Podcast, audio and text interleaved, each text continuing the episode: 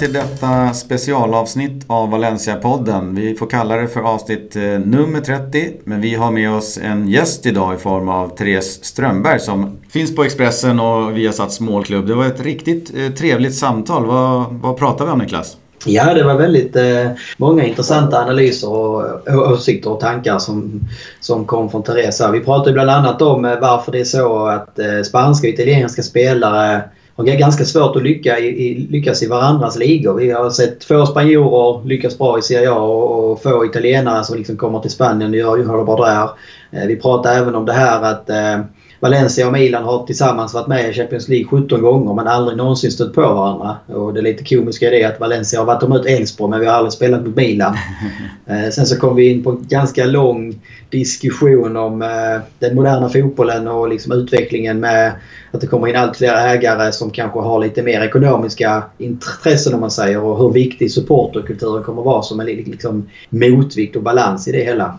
Ja, det var ett riktigt spännande samtal så jag rekommenderar att ni lutar er tillbaks och skruvar upp volymen för efter gingen så drar vi igång.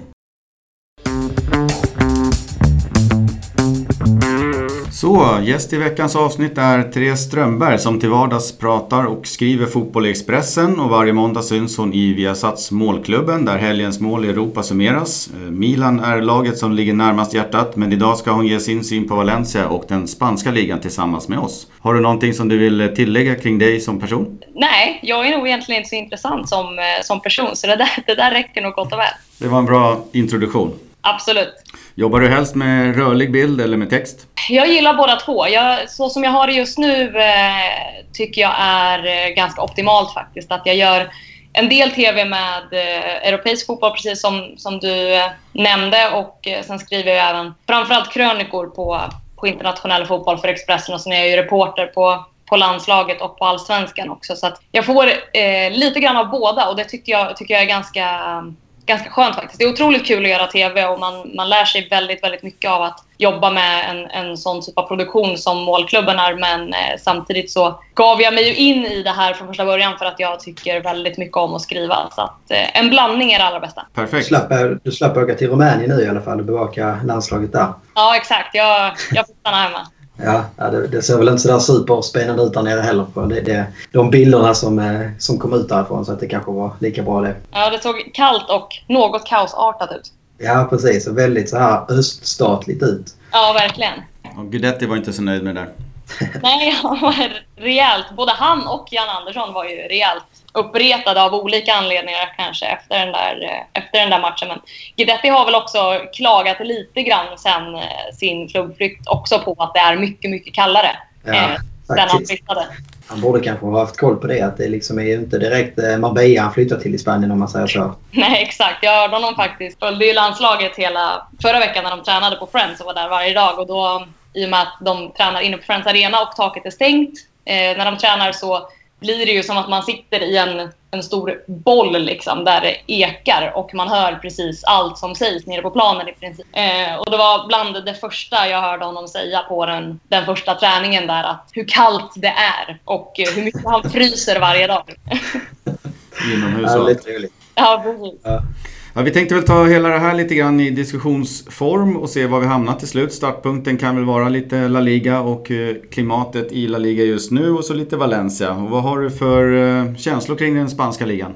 Eh, jag gillar ju La Liga väldigt mycket. Precis som, som du nämnde där i början så är det ju italiensk fotboll och framförallt Milan som har varit den ligan jag har följt mest och det laget jag har följt mest ända sedan jag var liten. Men Spanien har alltid varit något av en favoritliga också. Dels för att jag tycker att den bästa fotbollen spelas i Spanien och eh, dessutom så um, håller min eh, lillebror på ett, på ett spanskt lag vilket gör att det också har varit en sån naturlig eh, diskussionspunkt hemma när man fortfarande bodde hemma och sådär och, när man växte upp. Att vi pratar väldigt mycket och kollar väldigt mycket på, på spansk fotboll. Men som sagt, jag tycker att den, den bästa fotbollen spelas i Spanien så att eh, jag kollar ju mer än gärna eh, mycket La Liga. Hade önskat att jag hade tid att kolla mer La Liga än, än vad jag har faktiskt. Du får ju en summering varje vecka med målen där, så en liten eh, highlights-paket. Ja men precis. Man försöker ju hinna med i alla fall kanske två spanska matcher varje helg. Eh, men sen så har vi också, det, målklubben är, bra av den anledningen. Eh, dels kan jag tänka mig, verkar det som att det är uppskattat av de som kollar just av den anledningen också, att man får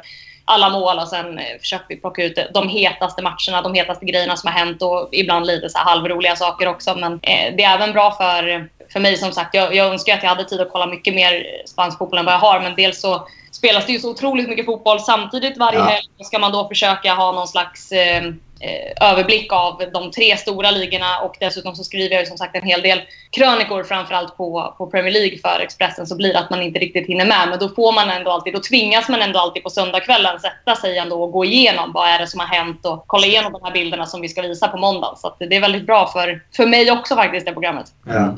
Hur skulle du säga att eh, La Liga mår idag om man säger, eh, man tänker på Real och Barca har väl, har väl kanske i alla, alla årtionden varit hyfsat liksom överlägsna men det känns kanske som de sista åren så har, har man tagit det här ett steg till. Tror du liksom att ligan mår bra av det eller hur ser du på det?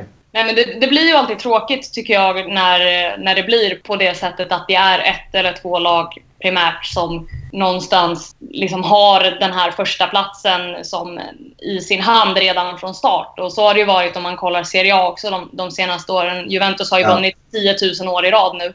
Eh.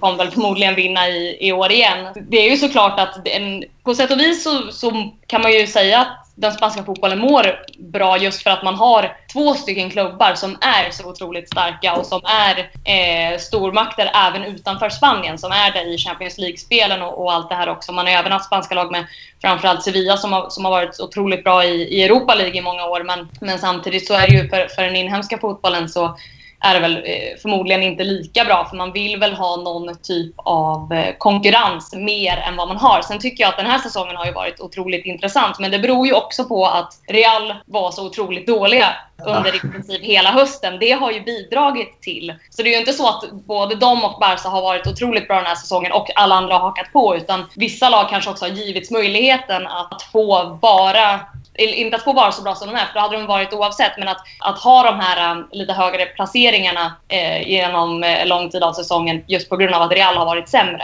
Mm. Det, det är ju lite tråkigt och, och man, det här får man ju höra hela tiden från de som, som inte gillar La Liga, som inte har den som någon slags favoritliga. Att det är ingen idé att kolla för att det, det, den är så otroligt ointressant för att det bara är Barca och, och Real och till, till viss del Atletico kanske här eh, de senaste åren som har, som, som har varit med på något sätt i alla fall. Men, eh, men jag, det jag tycker med La Liga är ju också att man får otroligt bra matcher.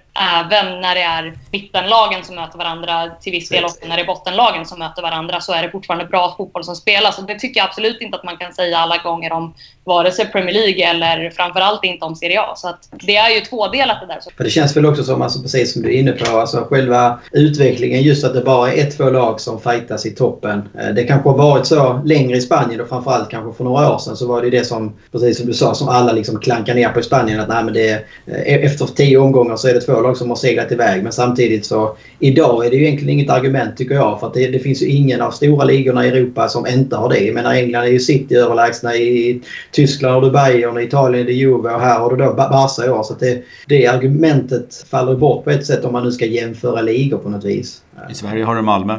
Ja, ja. exakt. Det finns ju överallt och jag menar, kollar man på, på Premier League istället så finns ju där också, där har de ju sina Big Six som alltid ska vara där i toppen. Och, och det kan ju jag också tycka är, är minst lika tråkigt i så fall, att man vet att det är ett av ja. de lagen som vinner varje år. Det är ju minst lika tråkigt då som att veta att det är Barca eller Real eller att det är Juventus eller Bayern München eller... Ja, ni förstår. Alltså, det, det är ju, jag tycker också att det är ett, ett ganska trött argument. Som det är. Alla gillar inte alla ligor helt enkelt. Nej, alla har ju sin favorit. Och spontant känns det ändå som att många klubbar i La Liga och kanske inte minst Valencia har ett väldigt bra supporterfölje. Med kultur och, och bra stämning på väldigt många matcher. Eh, om man tittar förbi El Clasico. Eh, hur viktigt är sånt tycker du? Det tycker jag är jätteviktigt. Eh, framförallt för att jag eh, från, från första början kommer ju från supporterled själv. Det är ju så jag överhuvudtaget hamnade in på att jobba med det jag gör. är ju för att jag eh, håller väldigt mycket på, på Milan i första hand och, och alltid har, har gjort i princip så länge jag kan minnas. Och varit mycket, alltså jag har rest mycket och kollat, eh, kollat på Milan och sådär. Och, och, eh, jag tycker att det är jätteviktigt att man har den här, för det är ju också en grej som gjorde att jag eh, har fängslats så mycket av just Serie A. Just att det är, kan vara på i princip vilka små matcher som helst så är det otrolig läktarkultur. Och jag tycker att den har vi också väldigt mycket här. Många lag i Sverige Eh, vilket gör att det blir extra roligt att jobba med allsvenskan till exempel.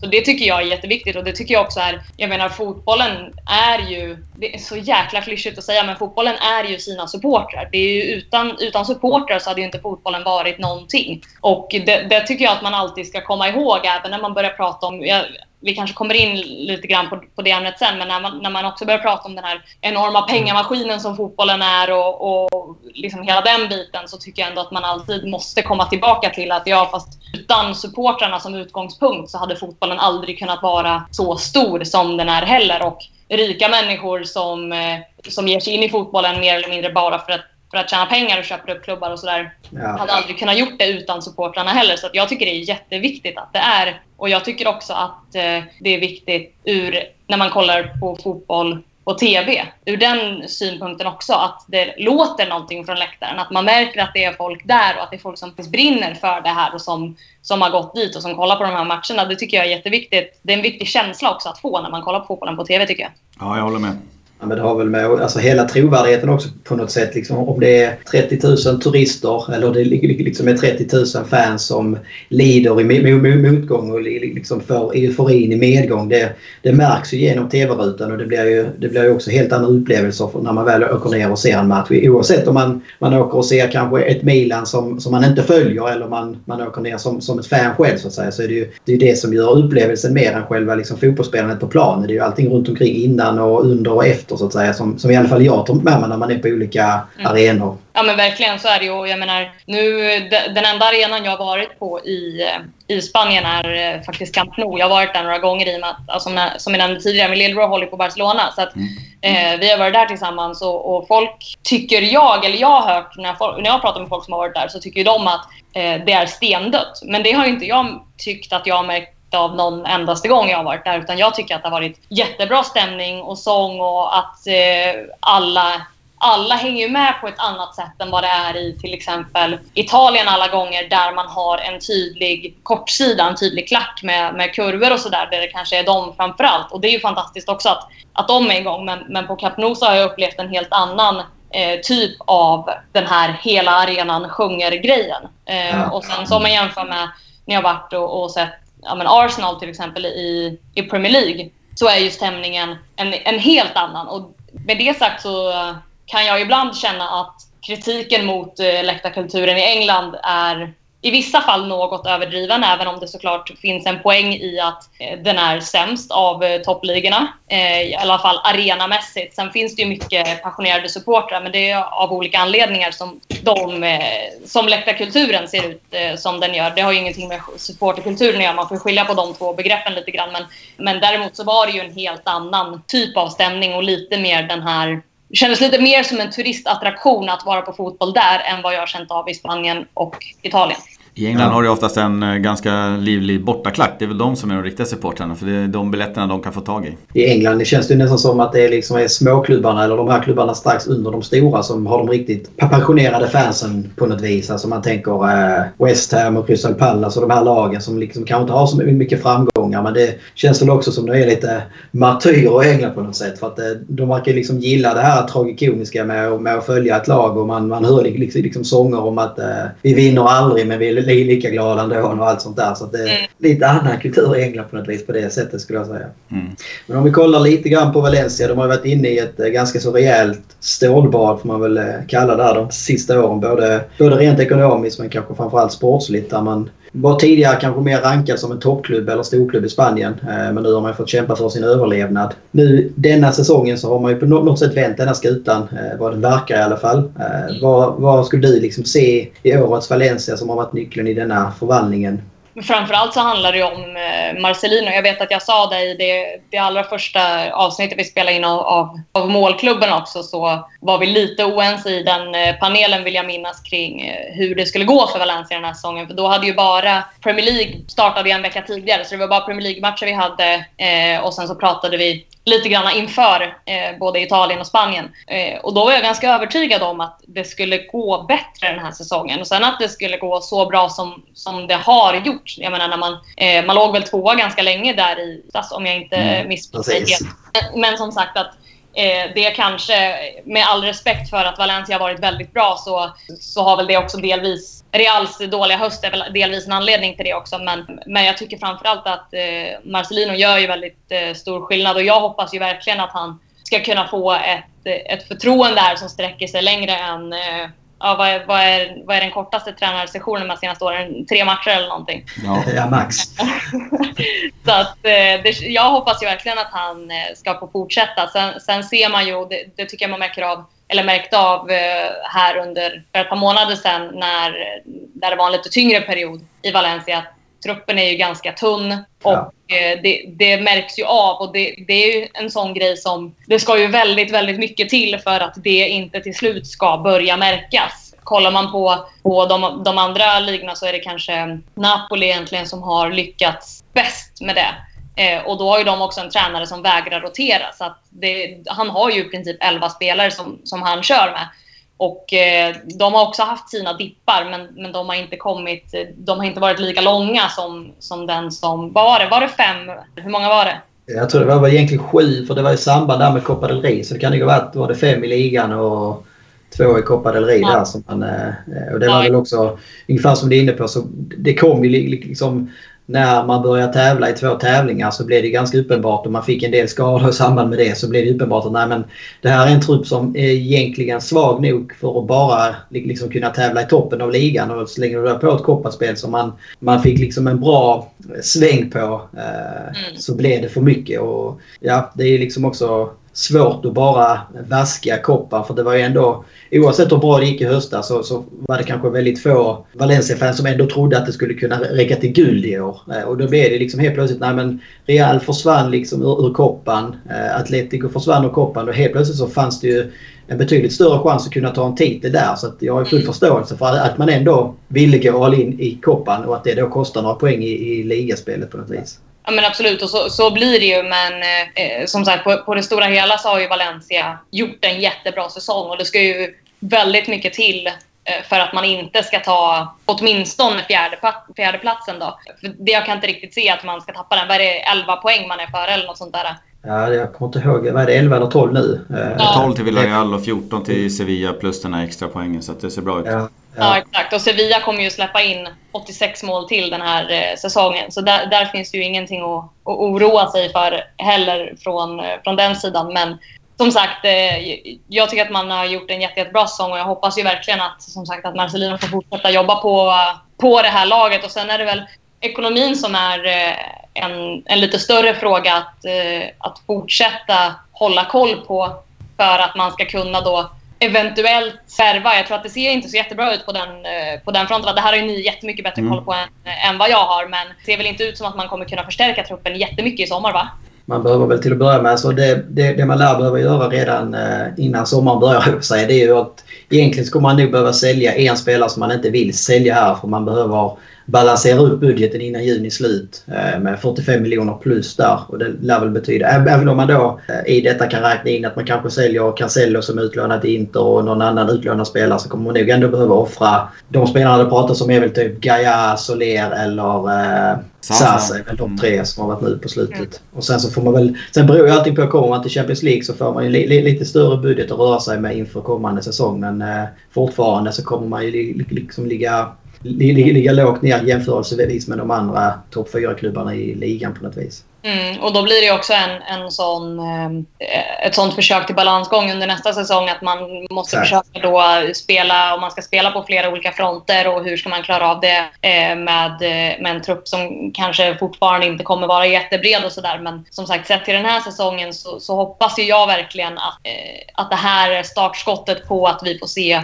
ett Valencia som det vi såg ja, men egentligen senast där kring millennieskiftet och åren efter när man både gick till Champions League-finaler och man vann väl ligan. Var det två eller två i rad? Två år. Precis, två år. Det var väl 02 och 04 va? Så det var inte två år i rad men det var två ja. år där inom, inom tre säsonger. Och det var väl då man hade den stor, storhetsperioden egentligen och efter det så... Man höll ju i det där ett par år efter och tog sig till Champions League och var väl liksom regelbundet topp 3-4 men det var ju ändå få säsonger där man egentligen på allvar utmanar om guldet hela vägen in. Så det är, ju, mm. det är väl det som också är lite ambivalent med Valencia på något sätt. För att många tycker det har varit för jävligt att man inte har varit med och liksom krigat om, om, om guldet. Men samtidigt kollar man med lite historia på det så har ju, alltså, det har ju varit Real och Barca alltid där uppe. Och sen har det varit de säsongerna när något eller båda av de två lagen har haft en lite svagare säsong. Då har Valencia kunnat vara med där och snuva. Atletico gjorde det ett år och sådär. Men det, är, det krävs ju liksom en monstersäsong av, av de här andra lagen och att de,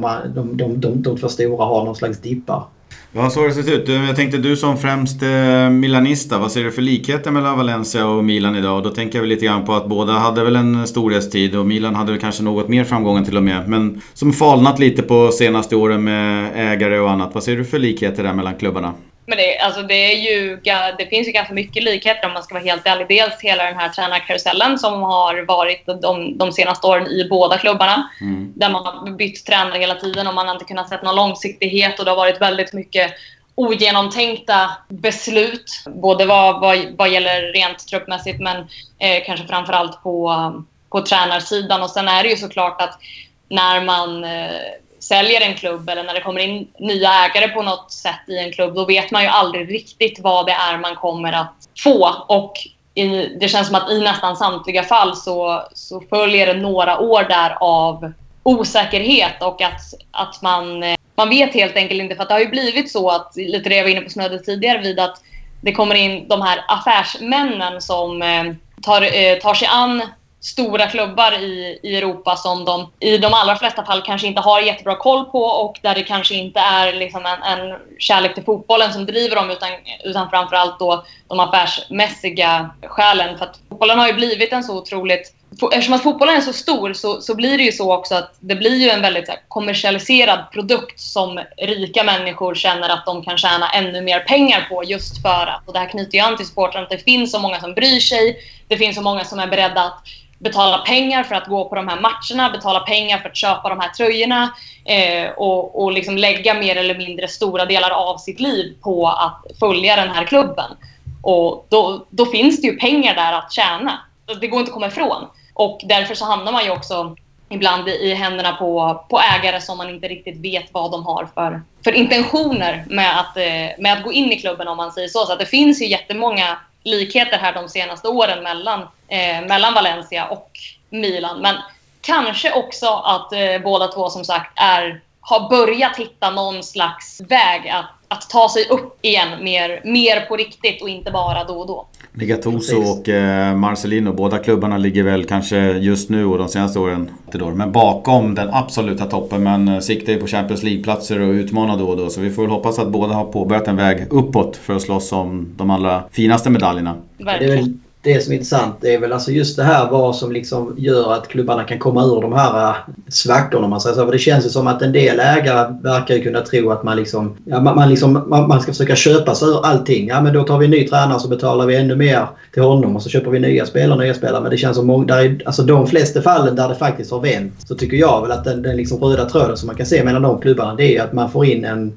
stark ledare på något sätt. Eh, och det är liksom är, är, är tränaren i sig som, som kan liksom göra guld och sand med, med, med spelartruppen snarare än att det är en ägare som försöker hela tiden byta ut grejer som han inte tycker funkar kortsiktigt. Och, eh, det är ganska tydligt både om man kollar Valencia, Milan och om man kollar liksom andra klubbar i, i de europeiska ligorna. Vi var inne på det lite innan det här med ekonomin och med ägarstruktur. Så här, hur, hur ser du liksom generellt på den utvecklingen som det känns som det är i Europa där ägarstrukturen allt mer blir liksom utländska miljardärer som kommer in och, och, och liksom leker football som det kan kännas ibland? Ja, men det är klart att det, är, det är ju tråkigt. Och det är ju, fotbollen är ju ganska in ändå i den här förändrings fasen som går mot det hållet som du beskrev precis. Det är ju, vi har ju sett det i hur många klubbar som helst och vi kommer förmodligen se det i ännu fler klubbar och eh, garanterat också mindre klubbar och klubbar i, i, i lägre divisioner i, i, i, högre utsträckning tror jag också. Eh, för att som sagt, människor eh, som har väldigt mycket pengar och som vill tjäna ännu mer pengar har ju börjat inse att eh, fotboll är ju faktiskt världens eh, största sport och det är eh, otroligt många människor världen över som, som följer de här lagen. Så att eh, här, här, finns det otroliga affärer att göra. Men, men precis som vi har varit inne på så får det ju väldigt ofta den konsekvensen att, att det kanske inte är som sagt det här eh, fotbollssakkunniga den fotbollssakkunniga människan som sitter allra högst upp och tar eh, alla de, de mest avgörande besluten. Vilket ju också får konsekvenser längre ner och inte minst på planen. Och det blir eh, missnöjda, missnöjda supportrar. Supportrar kanske bojkottar och slutar gå. Och, det blir, och den utvecklingen vill man ju absolut inte ha. Men, men däremot så är jag lite så här också att jag gillar inte att måla med de här uttrycken som eh, fotbollen är på väg att dö och allt det här som, som man ofta pratar om. För det är klart att det kan kännas så, men samtidigt så nu är det ju åt det här hållet vi, vi är på väg och det är ju då som, eh, som supportrar och, och de människor som, som verkligen bryr sig om fotboll och som faktiskt eh, kan väldigt mycket om fotboll eh, betyder ännu ja. mer hela tiden. Ja, det, man, det man får hoppas på är väl att alltså, det känns som att nu är vi inne liksom i en stor förändring och då brukar det ofta bli så här att det blir liksom stora omslag och det liksom känns, eh, känns ibland kanske hopplöst. Men det alltså det man får hoppas på. För jag, jag är väl inne på precis som du att det hjälper liksom inte att bara fördöma och säga att eh, den moderna fotbollen eh, dödar fotbollen och allting sånt. Utan det är väl bara att hoppas på att man kan hitta liksom någon slags balans längre fram. Eh, där, där man liksom kan, kan behålla en del av de här fina gamla egenskaperna med fotbollen på något sätt. Med passionen och allting runt omkring. Och att det inte bara blir eh, ja, men som typ NHL eller någonting där det bara är kanske kommersiellt och liksom man byter stad för att eh, tjäna mer pengar i en annan stad och lagen säljs eh, mellan liksom de här miljardärerna.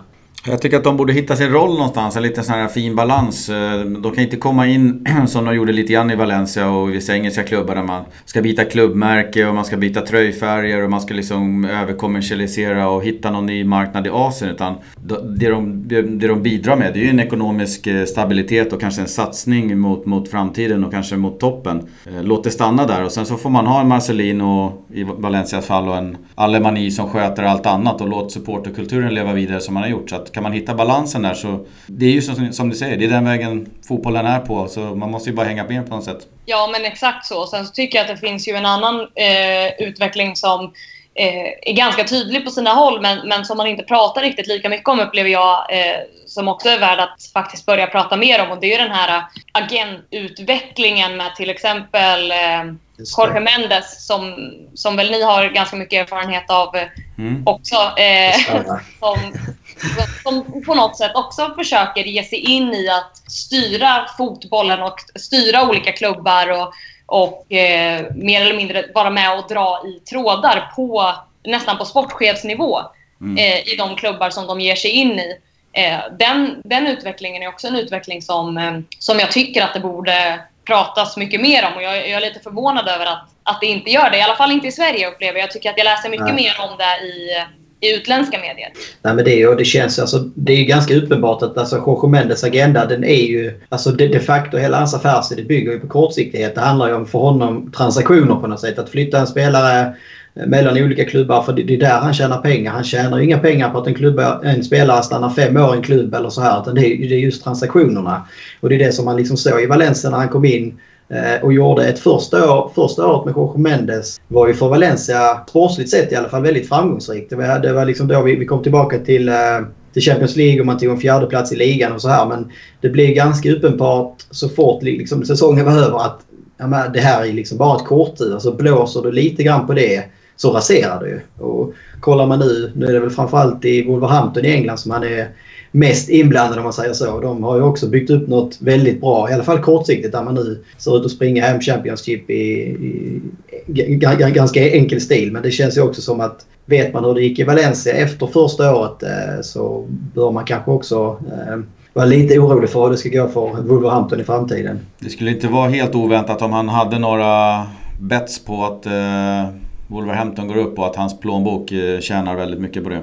Precis, och det var ju lite så som många misstänkte att det också var i Valencia. Liksom, att han, han tog dit spelare, han agerar ju i stort sett sportchef då och eh, säkerligen hade ni liksom någon slags eh, payout på. Men om Valencia tar sig till Champions League så ska han liksom ha en stor del av det och det gjorde man ju. Och sen så var han liksom färdig där men det var ju bara det att många av hans klienter var ju liksom kvar eh, utan att ha någon, någon morot kanske att spela kvar i klubben och han hade liksom satt en tränare på plats som inte riktigt fick något material att jobba med. Så det är ju, jag är helt inne på din linje där Therese. Att det, det är kanske en sån grej som är kanske egentligen ett ännu större problem. Som, där det är betydligt enklare peka liksom på, på dåliga ägare på något sätt än, än de här agenterna som mer smyger under radarn känns det som. Mm, verkligen. Men på tal om just det, var det inte en, eh, en ung spelare från Valencia nyligen som flyttade till Wolverhampton va? Jo, Rafa Mir. Eh, ja, precis. Eh, och det känns ju också som en sån typisk Mendes grej. Och nu säger inte jag att det måste varit ett, ett dåligt val och han själv kanske jättegärna ville flytta. Jag har absolut ingen mm. insyn och inte så jättepåläst på den. Jag, det bara slog mig nu att, ja. att det skedde. För att honom hade man ju ändå kollat lite mot i och med att han var så otroligt eh, bra i, i ungdomslaget och tänkte att den här killen kan nog tänka sig att få, få en flytt eh, uppåt i hierarkin ganska snart. Eh, men så försvann han iväg dit och det var inget lån utan de köpte honom? Eller vad? Nej, det, och det hela, alltså, hela bakgrunden där var ju också ganska... För han har ju varit... Alltså, han har väl eh, slagit alla rekord i ungdomslagen. Öst in mål liksom hela vägen upp. Och nu spelar han idag i B-laget eller vad man ska kalla det. Men det märktes ju också liksom det sista halvåret han var i Valencia så vägrade han i stort skriva på en kontraktsförlängning och blev helt plötsligt blev han liksom otroligt strulig. Eh, vilket också var anledningen till att han då inte flyttades upp i A-truppen för Marcelino tyckte, tyckte han liksom var för strulig om man säger så. Eh, och mm. när man då liksom sen följde utvecklingen och kunde lägga ihop pusselbitarna så här i efterhand att, så kändes det liksom som att Jorge Mendes har liksom kommit in i bilden ganska tidigare än många kanske trodde eh, och liksom påverkat honom här. Nej, men nu har du en bra möjlighet att liksom, äh, lämna Valencia och göra pengar någon annanstans. Men då, då gäller det liksom att du i stort sett bråkar dig bort från klubben. Äh, för att det liksom, vi ska hitta en annan klubb till dig och där kommer du tjäna så här mycket pengar och så vidare. Så det är ju det, är liksom det här fulspelet som verkar pågå liksom, äh, ett halvår innan kontrakten går ut. Att han liksom påverkar spelarna att dra sig i olika riktningar. För att Rafa var ju liksom en Valencia-son och har ju alltid pratat om att hans dröm var liksom att få spela i A-laget och liksom hjälpa klubben tillbaka till den platsen man har varit på innan. Och så helt plötsligt så var det liksom som, som en helt annan person nästan som liksom bråkar på träningar och vägrar skriva på kontrakt. Och han skulle gå till Real Madrids eh, B-lag istället för att liksom kriga för en plats i Valencias A-trupp och så vidare. Så det är en oerhört tråkig utveckling. Ja, jag säger det. Vi måste kolla mer på och prata mer om eh, hur ja. Agenternas makt egentligen ser ut. I alla fall de här, vad man kalla dem, så här, totalagenterna. Eh, Precis, ja. Jobbar på det sättet som, som bland annat Mendes gör. Då. Ja, så är det. Om vi kollar på lite spelare som Valencia har värvat. Eh, nu på sista tiden så har vi fått in från Inter, Morillo och Kondogbia. Lite misslyckade där ändå, men har klivit bra in i La Liga. Och någon spelare har gått i motsatt riktning. Det var väl Cancelo som gick till Inter. Som har gjort det bra där och Nani är väl lite tveksam i Lazio. Hur, hur kan det komma sig att den, ligorna känns rätt lika? Hur ser du på det där med Kondogbia och Morillo misslyckas där och lyckas på, i, hos Valencia och sådär när man skickar spelare mellan alla ligor och Serie A? Vad skiljer ligorna åt så att säga? Ja, alltså det är ju jättesvårt att säga vad det är som gör, när man, när man inte är på plats, så att säga, mm. vad, vad det är som gör att spelare lyckas på ett ställe men in, inte på ett annat. Men om man kollar på till exempel en sån som Kondogbia så var ju han enormt upphåsad. Han kom väl från... Monaco tror jag. Ja, Eh, till, till Inter. Och Milan var ju också med där och skulle ju köpa honom. Och, och det var ju, Milan-supportrar var ju enormt sura när han valde Inter. Eh, trots att det sades att Milan hade givit ett högre bud och, och, allt det här. Och att han istället då valde, trots allt, att, att gå till Inter. Men sen visade sig han ju vara en, eller bli en enorm flopp där. Eh, och då blev man ju lite glad. Och jag vet att jag skrattade lite här i när det blev klart att, eh, att Valencia skulle värva Konobia. För jag tänkte, vad, vad, har, vad har de sett det senaste året som gör att de vill ha den här spelaren? För att han har inte gjort en endaste bra grej. Men eh, så det är ju jättesvårt att säga vad det är, vad det är som gör att, att en spelare går bra i en liga men inte i en annan. Men det kan säkert ha att göra med dels att det var ju en väldigt skakig period i Inter, precis som det har varit i både Milan innan och, och i Valencia och många andra klubbar också, så, så har ju Inter inte varit särskilt stabila vare sig eh, prestationsmässigt eller eh, tränarfasthållarmässigt eh, så att säga. Utan de har ju också eh, skeppat iväg tränare och anställt och, och haft sig till höger och vänster. Så att eh, det kan ju ha varit en sån grej helt enkelt att det var väldigt svårt att att komma till Inter när han gjorde det och, och förväntas eh, prestera i, i ett lag där det mesta var hönsgård helt enkelt. Och nu när han kommer och så när Marcelino och allt man har läst om hans ledaregenskaper och, och hur enormt eh, disciplinerad och, och, bestämd han är så kanske det helt enkelt var så att eh, en spelare som till exempel då Kondogbia behövde det helt enkelt. Sen tycker jag att han har gjort en del eh, halvdåliga matcher i, i Valencia den här säsongen också. Jag tycker, att, mm. tycker fortfarande att han är lite för ojämn. Och det tyckte jag även när han började ryktas till, till Milan där att följer inte fransk fotboll så här skitmycket mm. direkt. Men när man då började läsa på och började kika lite och började hålla lite koll så kände jag ganska direkt där också att det kändes som en spelare som är lite ojämn. Och det tycker jag ju fortfarande att han är som sagt. Däremot så har han ju varit hundra gånger bättre än vad jag trodde att han skulle vara för, för Valencia den här säsongen. Så det kanske bara helt enkelt är en sån enkel grej att när man då kommer som sagt till, till ett Valencia där det finns då en, en tydlig och stark ledare i form av tränaren på plats och eh, det är väldigt mycket nu gör vi så här och ingenting annat så, så är det väl kanske helt enkelt det som, som vissa spelare helt enkelt behöver. Precis. Nej, jag tror i Kondobias fall så var det nog väldigt mycket miljön och precis som du var inne på att i Inter så kom man med helt andra förväntningar när han väl kom dit och i Valencia så fanns det i så sätt inga förväntningar för att det var ju många tänkte nog som du i somras liksom vad fan ska Valencia med Kondobia? Sen så var det väl också den platsen i näringskedjan som Valencia hade då att man var tvungen att ta de här chansningarna. Man hade inte råd att köpa färdiga kompletta spelare som man visste vad man fick utan det var många sådana här skadat gods som man liksom var ute och hämtade på loppisar och hoppades att man skulle liksom återuppliva och det har man ju lyckats bra med med, med, med flera spelare. Men det är en annan grej som jag liksom satt och tänkte på här som är lite konstigt egentligen. Det är, det är väldigt få, få italienare känns som, som har lyckats i La Liga och samma sak på andra hållet. Väldigt få spanjorer som egentligen lyckats i Serie A. Eh, och det känns spontant så känns det egentligen ändå konstigt för att det, det är ju det är ju inte jag, hade, jag har mer förståelse för att man inte lyckas i Premier League där det mer känns som det är tydligare skillnad fotbollsmässigt på något sätt. Men medan spansk och italiensk fotboll skiljer inte sig så mycket men ändå så är det liksom eh, svårt liksom på rak arm att säga tre italienare som gjort det superbra i Spanien eller tre spanjorer som gjort det superbra i Italien.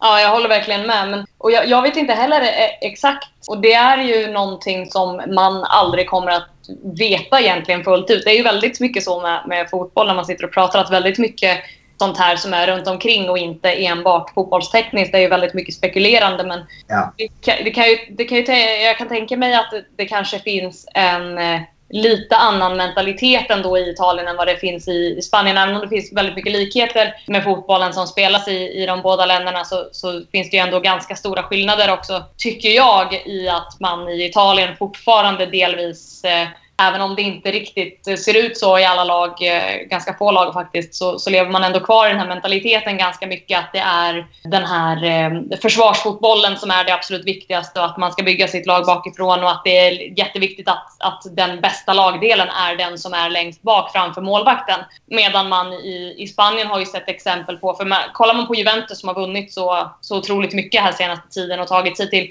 Champions League-finaler och allting så, så sitter ju deras defensiv och som ett ja. berg. Och det har den ju, för, bortsett från i början av den här säsongen när den svajade lite precis efter att Bonucci hade dragit där så, så har de ju hittat det där igen. Och de har det. Och kollar man på italienska landslaget så har de också det. Eh, medan man har sett exempel på de här vinnande lagen i, i La Liga, som Barca till exempel, att försvaret har väl kanske varit deras, eh, deras sämsta lagdel under, under ett antal år här. Men de har ändå lyckats för att de är så otroligt bra offensivt. Och den, eh, som sagt, jag tycker man har börjat se många exempel också i Italien på att fler och fler lag har börjat spela mer på det sättet. Om man kollar Lazio, om man kollar Napoli. Eh, att, man, att man satsar framåt också. Men det kan ju ligga någonting i att det finns en mentalitet i italiensk fotboll fortfarande också. Att, att där är det väldigt mycket, väldigt mycket det här uh, otroligt disciplinerade försvarsspelet som, som ska sitta. Och sen så uh, hoppas man att, att offensiven löser sig sen. Som inte finns i Spanien i samma utsträckning. Tycker jag ja. mig i alla fall. Gärna med håller med. Det känns ju som att det precis som du är inne på. Alltså Italien är väl det här klassiska taktiskt sett är man oerhört slipade. Liksom, medan i Spanien har det kanske mer varit det här eh, flytande spelet. Att det är mer... Nu låter det överdrivet såklart men det är väl, om man ska göra det svart och vitt så känns det mer i Spanien som att det går ut och kör typ. Och det, det är oftare som det blir 5-3 än det blir 1-0 som kanske då 1-0, 2-1 eller mer liksom i det italienska sättet. Så att det, det ligger nog en hel del i det eh, som du säger. Sen så kanske båda, båda länderna är på något sätt lite hemmakära också på något vis. Mm. Ja, det tror jag också spelar in ganska mycket faktiskt. För det märker man ju på, på ganska många av, om man kollar till exempel de italienska tränarna som kommer utanför Italien. Om man, kollar, om man tar Conte som, som ett jättefärskt exempel på en människa som verkligen längtar hem. Ja. Och som sa redan när han flyttade från Italien att min plan är inte att vara ute särskilt länge. Jag ska bara testa på hur det är i princip. Nu sa han ju inte så här ordagrant men eh, folk förstår vad jag menar. Att jag ska ja. bara vara här en stund och se vad som händer här borta och sen tänker jag flytta hem igen och fortsätta träna italienska lag.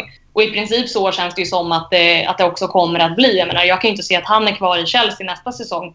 Och jag tror att hans nästa flytt kommer att gå tillbaka till, till Italien och eh, ett Serie A-lag. Så att Eh, det där kan nog också spela in ganska mycket. Och det där tycker jag är ganska intressant för att det, det är fler och fler eh, spelare som också öppnar upp för att prata om det där. Och det är fler och fler spelare som öppnar upp och, och pratar om saker överhuvudtaget som fotbollsspelare traditionellt sett inte har pratat om, alltså psykisk ohälsa och sådana grejer.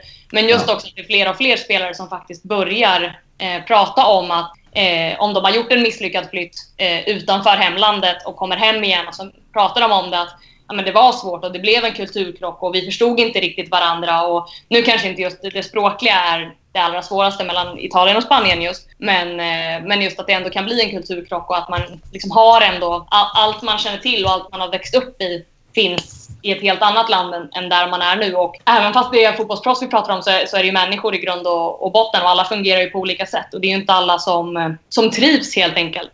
Oftast med familj och sådär också. Ja, exakt. Så att, eh, jag tror att det också kan vara en, en sån grej som, som spelar in. Och då gäller ju det såklart när man flyttar mellan, mellan alla olika ligor. Att det, är ju inte, det handlar ju inte bara om en akklimatiseringsperiod rent fotbollsmässigt när man Nej. byter liga. Utan det handlar ju om allting annat också. Precis. Ja, det är väl egentligen först på sista åren som man har sett att det blivit lite mer eh, spanjorer och italienare i, i Premier League. Det känns som att de, de spelarna har gärna annars hållit sig i sina respektive länder på något sätt. Eh, det har väl egentligen blivit när, när en del tränare har flyttat utomlands så har de också kollat mot Spanien och spanska spelare och kanske då har spelarna känt det lite tryggare. Men nu, nu kan jag flytta till England för nu kommer jag i så fall i alla fall ha Pep som tränare och han är ju spanjor så han kommer ju förstå mig och, och så här.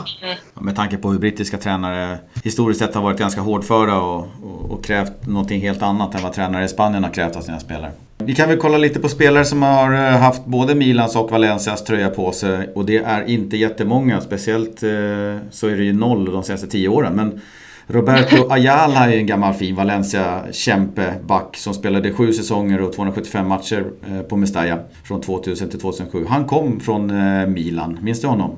Är svagt alltså. Mm. Jag är så här, det, det, är det som är mitt, mitt absolut största Eh, problem, det är ju att eh, jag glömmer bort saker som, som inte är nu. Jag är verkligen en sån när jag, framförallt när jag pratar om fotboll, mm. att jag är sån här att nej, jag, vet, här, när, när, folk börjar prata om så här, ah, Milan hade sin storhetsperiod på 90-talet. Ja, men det skiter jag i. alltså lite så här, förstår ni? Ja, ja. Det att, eh, jag vet ju vad man är, men väldigt, väldigt eh, svagt. Jag var väl, när, när gick han till Valencia? Typ millennieskiftet eller? Ja, 2000.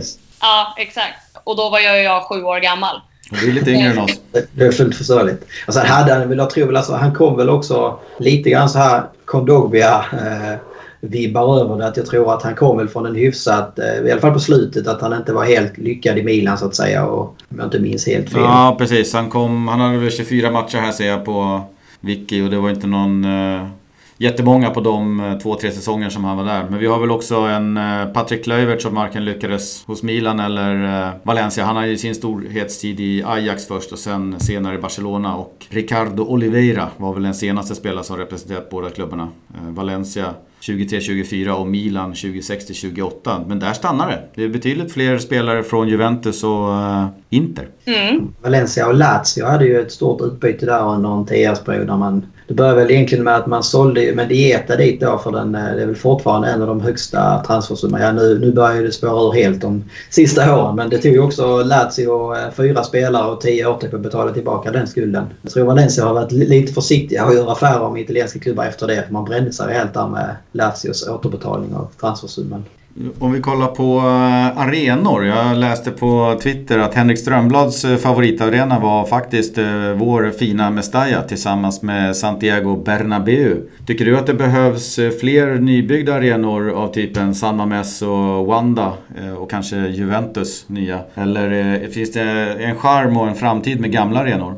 Jag tycker ju absolut att Eh, det, det finns en enorm charm med de här gamla arenorna. Och de, när det har pratats om att till exempel Milan ska bygga en ny arena så har jag eh, förstått varför det är viktigt såklart. Men samtidigt känt att eh, jag inte alls är sugen på något slags eh, skrytbygge som är modernt och allting ska vara jättefint och jättenytt och jättefräscht. Utan jag är ju den typen av person som gillar att åka till liksom, betongklumpen San Siro där det inte ens finns toaletter. Det finns det nu för tiden eftersom att de var tvungna att sätta in det inför eh, senaste Champions League-finalen här. Men Eh, innan dess fanns det inte ens eh, toaletter på, på arenan. Liksom. Mm. Jag tycker absolut att det finns en charm i det och, och, det är ju den typen av arenor som, som man är någonstans uppväxt på om man kan säga så. Men, mm. men sen finns det ju också såklart en poäng att, att eh, klubbarna bygger sina egna arenor och inte minst så finns det ju oftast en ganska stor ekonomisk vinst att, att göra på det, att äga sin egen arena och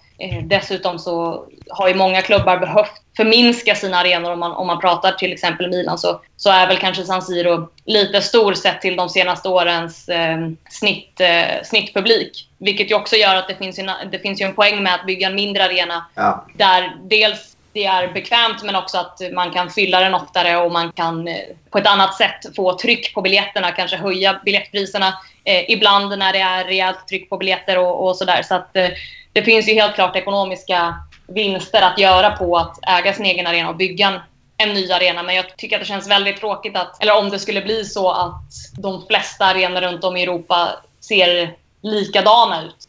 Nej, det är väl det som vi har pratat om innan. Vi hade väl uppe det i förra avsnittet också. Valencia börjar ju bygga nya Mestalla. Eh, det var väl precis innan finanskrisen 08 där och sen så nu står det ju ett skelett, betongskelett utanför Valencia som liksom fortfarande vittnar om det här misslyckande bygget. Men eh, det var också som vi pratade om sist, tanken med den nya arenan var ju att den skulle ta 70 000 om jag inte minns fel. Mm. Eh, och Valencia här de sista åren snittar väl ungefär 35-37 000 på hemmamatcherna. Så att ur den synvinkeln så blev det ju ganska bra för Valencia att inte den här nya redan kom. För då hade man liksom haft en arena som i stort sett aldrig är utsåld. Kanske utsåld en, två gånger per, per säsong. Och var liksom, är det meningen att klubbarna liksom ska ha en fin arena som man kanske kan spela en Europa League eller Champions League på final en gång vart var, 20 år och sen så är den liksom halvtom och har ingen själ eller tappar ju liksom he, hela trycket på, på något sätt på, på stort sett 90 av användningen. Jag måste flika in där också om eh, San Siro. Det är en eh, jäkligt fin arena. Jag har sett eh, Inter Juve där. Det var fullsatt och det var en fantastisk stämning med branta läktare. Så att, eh, den är någonting att värna om. Precis som eh, gamla Mestalla får vi väl kalla det för. Då. Original Mestalla. Vi går in på upploppet här lite grann. Jag tänkte bara fråga angående målklubben. Har du några favoritmål från i år? Något med Valencia kanske också? Något du minns? Le ledande fråga. Ja, ah, men du får ju ta det generellt bästa eller någonting du kommer på. Ska du berätta för mig vilket mål det är också? Ja. Nej. Så klipper vi det sen. Ja. Nej, men har du något mål som du kommer på så... Alltså, jag har faktiskt inget mål som jag kan komma på så här på rak arm. Nej. Sen är det såklart... Det är många att välja på, jag förstår det. Man, man har ju sett många fantastiskt fina mål. Men det är också en av nackdelarna med att man ser varje mål från alla eh, de tre stora ligorna varje helg. Det är ja. att det blir till slut bara ett töcken av, av liksom en massa mål. Eh, och man vet till slut inte vad det, är, vad det är man har sett och inte. Så att det är ju såklart en, en, en nackdel av att verkligen behöva se allt så att säga. Mm. Så jag kan faktiskt inte komma på någonting så här på rakar. Men får jag några minuter så kommer jag säkert komma på Om man säger, om man, vad, vad är ett snyggt mål för dig? Så, här, så föredrar du de här kanonskotten från eh, 25 meter i krysset eller kan det liksom vara ett, eh, ett kollektivt mål där man liksom kanske sågar sig igenom och sen så avslutar man med ett snyggt eh, väggspel och själva målet i sig kanske inte är någonting sådär supertjusigt. Eller vad, vad, vad lägger du in liksom i, ett, i ett snyggt mål? Om man säger? Mm, men jag tycker att båda de två varianterna är ju, har ju sin charm om man säger så. Och jag, jag, är, jag är väldigt svag för stenhårda skott som går via målramen och in. Mm. Som, ja. som, mål som låter om ni förstår vad jag menar. Ja. att de liksom ja, smäller in i stolpen och in eller i ribban och in. De är jag ju väldigt, väldigt svag för. Men sen så eh, tycker jag att det, det är fantastiskt också när man sitter och kollar på en match och det är ett, eh, ett fantastiskt lagspel, ett klapp-klapp-spel som, som leder fram till att någon bara petar in bollen. Det är ju så retligt snyggt på något sätt. Ja, jag tycker också ja. att det adderar någonting när, när ett stenhårt skott tar i, i målramen och går in. Ja men verkligen, jag älskar det. Det är lite sådana, Zlatan hade en hel del sådana kändes som under sin peak i Italien när han liksom bombade in frisparkar och skott utifrån och allting sånt där. Mm. Ja. Eh, om vi kommer in på den eh, sista frågan då, som egentligen är två frågor. vi kan börja med den första delen. Om, om du var tvungen att välja, eller om, om du fick välja en spelare ska vi säga, i Valencia att värva till ditt Milan, vem, vem blir det då?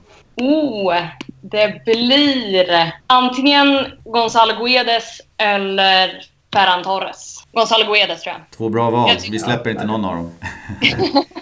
ja, jag förstår, det borde du verkligen inte göra. Jag hoppas att det här är spelare som faktiskt får spela kvar i, i Valencia och fortsätta, fortsätta utvecklas där. För att eh, det man har sett hittills, framförallt Guedes den här säsongen, eh, tycker jag är fantastiskt. Jag blivit väldigt, väldigt fäst vid honom. Eh, och sen så var väl en, en grej som kom fram när vi satt här och gjorde lite eh, research och säga att vi såg ju det. Valencia har spelat eh, Champions League tio gånger och Milan har varit med sju gånger om vi har räknat rätt. Eh, men man har aldrig mötts. Eh, vilket är, li, li, lite konstigt ändå genom alla gruppspel och kvartsfinaler och allting som man har spelat. Så, så vad säger du? Får vi se Valencia och Milan tillsammans i Champions League i höst?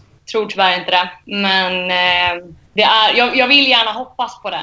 Men eh, det, det, känns som att för Milans del så kommer dels, eh, eh, dels den här uppskjutna matchen mot, mot Inter. Det är svårt att prata om den med tanke på att det, allt blir bara fel med tanke på varför den, varför den sköts upp. Men att den sköts ja. upp kommer ju i, i helt fel läge egentligen för, för Milan med tanke på vad man var inne i för, för typ av form. Mm. Eh, och eh, dessutom då att man fick den här, de här två jobbiga matcherna mot mot Arsenal precis i samma veva och sen det här uppehållet och nu möter man Juventus till helgen och så möter man Inter eh, i den matchen som fått ett nytt datum i veckan här nästa vecka. Och det, det är väldigt mycket tuffa matcher Jag tror man möter Napoli här snart också. Så att, eh, jag, jag, tror tyvärr att eh, hur bra det än har sett ut under 2018 och sen, sen Gattuso kom in så tror jag tyvärr att Milan inte kommer att nå upp till den där Champions League-platsen. Så vi får spela min hatturnering Europa League ett år till verkar Ja, det var väl den, den svaga hösten som, som fäller tyvärr då.